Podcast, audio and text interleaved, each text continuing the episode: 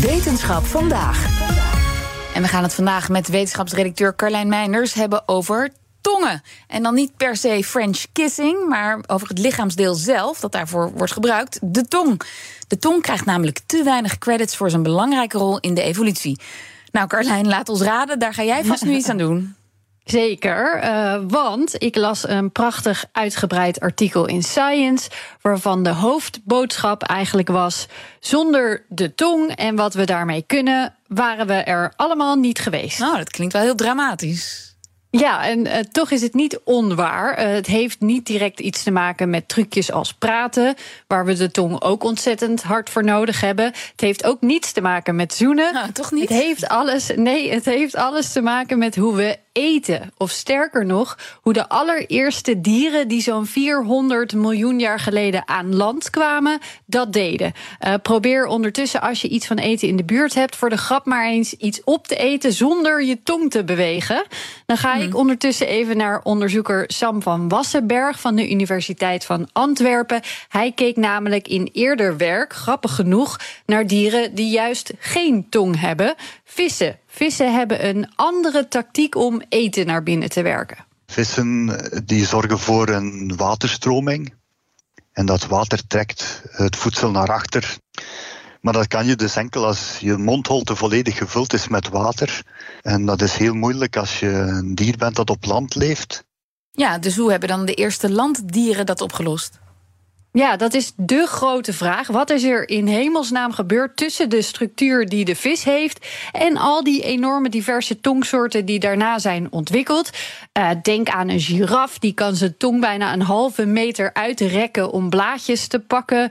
Uh, vleermuizen gebruiken hem voor echolocatie. Een slang gebruikt hem meer als neus. Uh, die kan een prooi ermee volgen zonder die ooit te zien.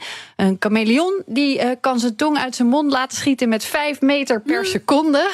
En de kolibrie die heeft ook een hele geavanceerde tong. Die kan een nectar ja, een beetje uit bloemen pompen bijna. Maar die vissen die je net noemde, die hebben dat dus allemaal niet?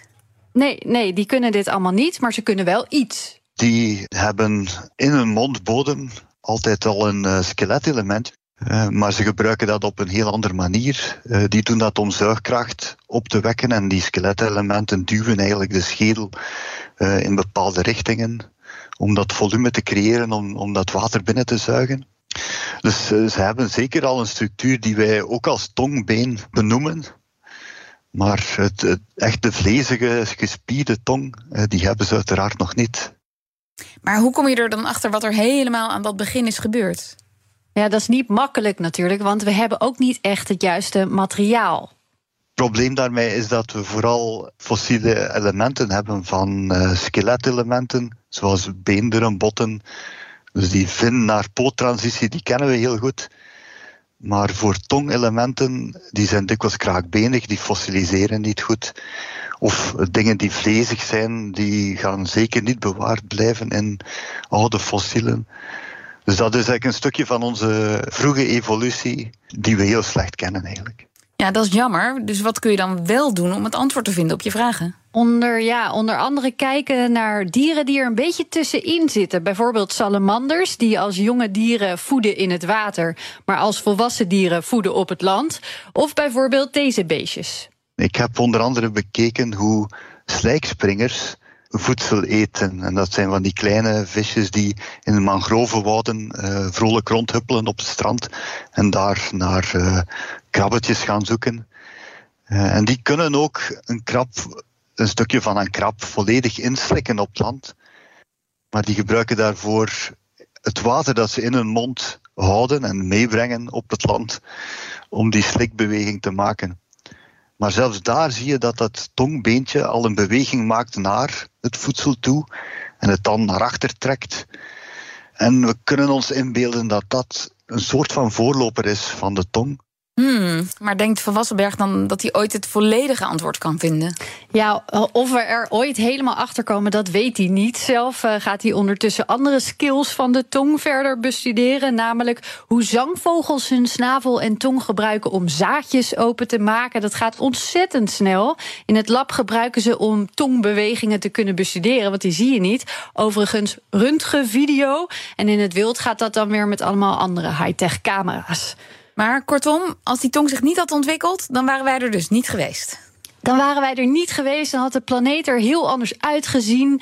Uh, dan hadden die pionierende eerste landdieren geen gebruik kunnen maken van al het voedsel dat ze daar vonden. En uh, nog één leuk dingetje uit dat Science-artikel. De hersenfunctie die nodig was om dat nieuwe lichaamsdeel te gaan besturen, eigenlijk, is mogelijk de basis geweest voor nog allerlei andere cognitieve skills die we nu hebben. Er zijn zelfs wetenschappers die denken dat tongbewegingen en handbewegingen gelinkt zijn. Oh. Zijn er een paar bekende topsporters die hun tong uitsteken vlak voor ze iets als een slam dunk gaan maken. Ja. Uh, denk ook aan kinderen die aan het tekenen zijn en daarbij hun tong uitsteken. Ook dit zijn uh, onderzoekers aan het bestuderen. Komt dit vanuit hetzelfde deel van de hersenen? Beïnvloedt het elkaar? Voor de zekerheid ga ik vanaf nu in ieder geval, als ik een bal gooi, altijd mijn tong erbij uitsteken. Anekdotisch bewijs wordt dat, uh, Carlijn. Dankjewel, Carlijn Ik ben Olivier van Solft. Betaalt u te veel huur? Of huurt u te veel kantoorruimte? Solft heeft de oplossing. Van werkplekadvies, huuronderhandeling tot de verbouwing. Wij ontzorgen u. Kijk voor al onze diensten op soft.nl.